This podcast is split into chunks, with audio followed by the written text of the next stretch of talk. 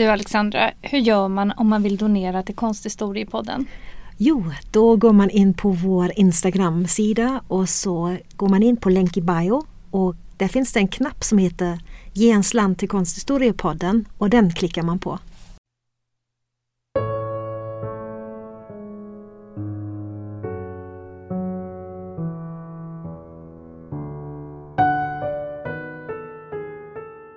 Hej och välkomna till konsthistoriepodden Samtal pågår. Jag heter Alexandra Frid. Och jag heter Alexandra Härlitz och eh, i Samtal pågår då är ju vår lilla extra material där vi um, passar på att kommentera lite friare och att uh, tycka till lite. Eh, säga allt sånt som vi inte brukar säga i den här vanliga poddserien. Precis. Och eh, i det senaste poddavsnittet så pratade vi om bryta med juleljusen, mm. eller juleljus heter ja, den, eh, av Carl Larsson. Eh, och det är ju en bild som, vi, som eh, är synonym med den svenska julen och som nästan alla människor som bor här eh, känner igen. Ja.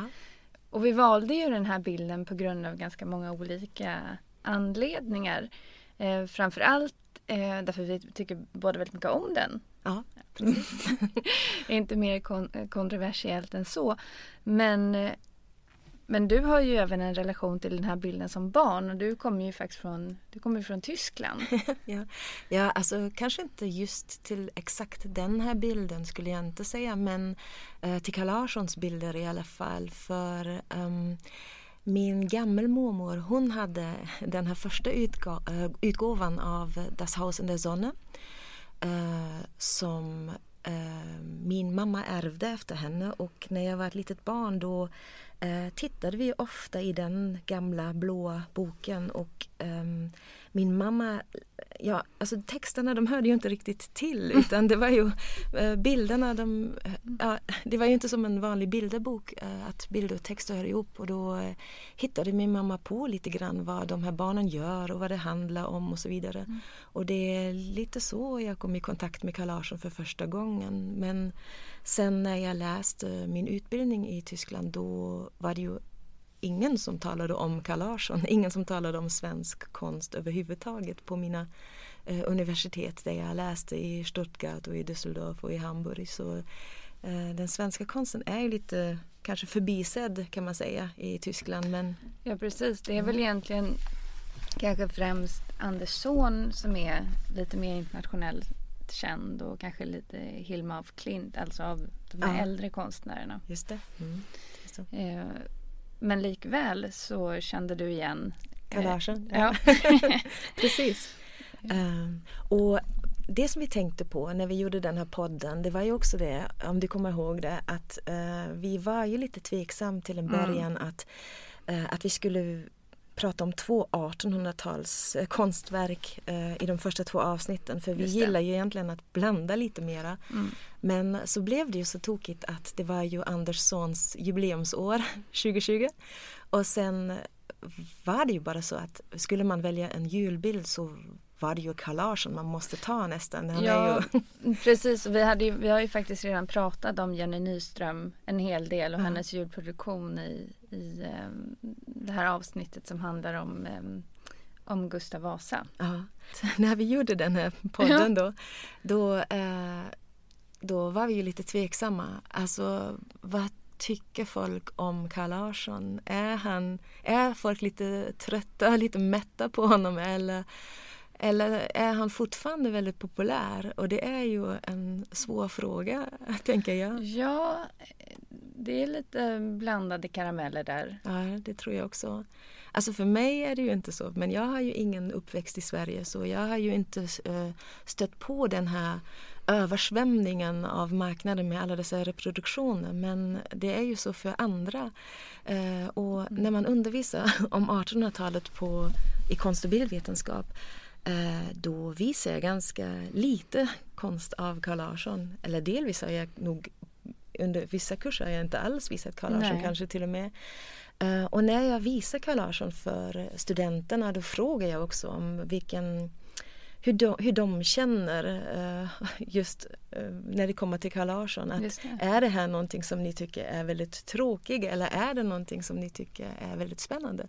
Och då tycker jag att man märker att de som kanske är äldre som har varit med uh, när marknaden har översvämts av reproduktioner ja. 50 år efter Carl Larssons bortgång de tycker ju att ja, men det, ja, de har hört och läst mycket om Carl Larsson tidigare men de som är yngre, de som är kanske födda på 90-talet eller vid 2000-talet som vi ju har studenter nu, de tycker nog inte så, eller den känslan har jag i alla fall. Mm. Men hur som helst när man står där som konstvetare uh, och i föreläsningssalen och ska visa Carl Larsson uh, då, när jag är i Sverige och visar Carl Larsson i en föreläsningssal, då känner jag mig som världens tråkigaste konstvetare. Ja, men samtidigt så när jag föreläste i Kina om, eh, om Carl Larsson mm. bland annat så blev ju studenterna alldeles begeistrade över ja. de här motiven och, och hur de liksom fick lära känna eh, vår kultur och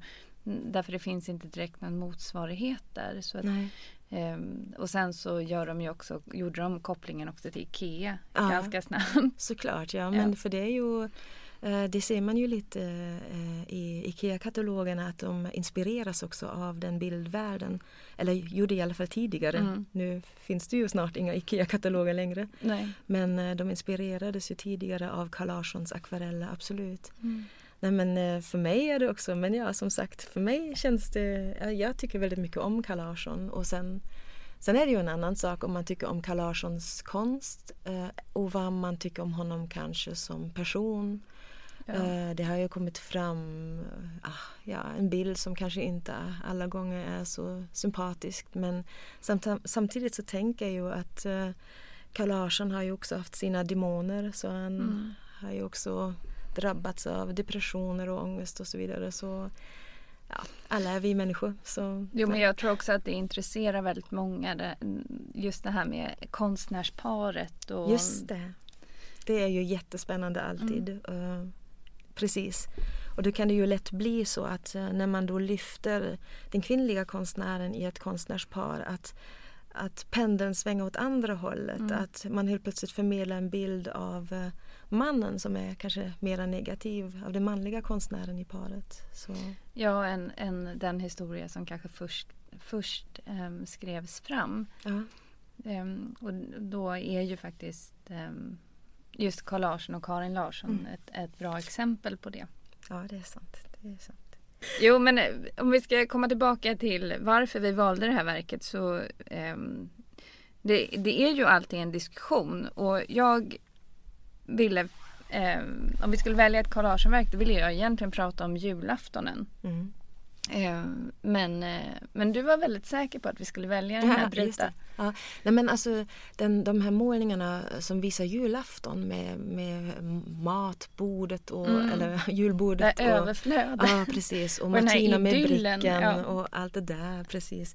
Uh, det är ju väldigt stämningsfulla julbilder och så. Mm. Men Brita med julljus, när jag läste på där och jag tänkte att det det är ett motiv som kanske inte känns så eh, stämningsfull som de andra eh, målningarna men den, det här motivet det hade en sån fantastisk berättelse och inte bara i Sverige utan också i Tyskland. Och, ja, men, ja, men, ja, det, det fanns mycket mer att säga om den tänkte jag. Eh, ja, men, när det kommer till Carl Larsson då är väl du och jag överens om att vi tycker om honom eller? Ja, eller hans konst i alla fall. ja absolut, det, det, är vi på det klara med. Ja men bra.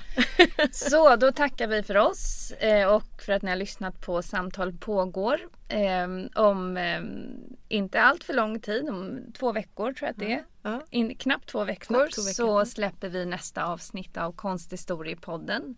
Och då nej, då blir det något spännande. Ja, och lite mindre pladdrig igen. Bye.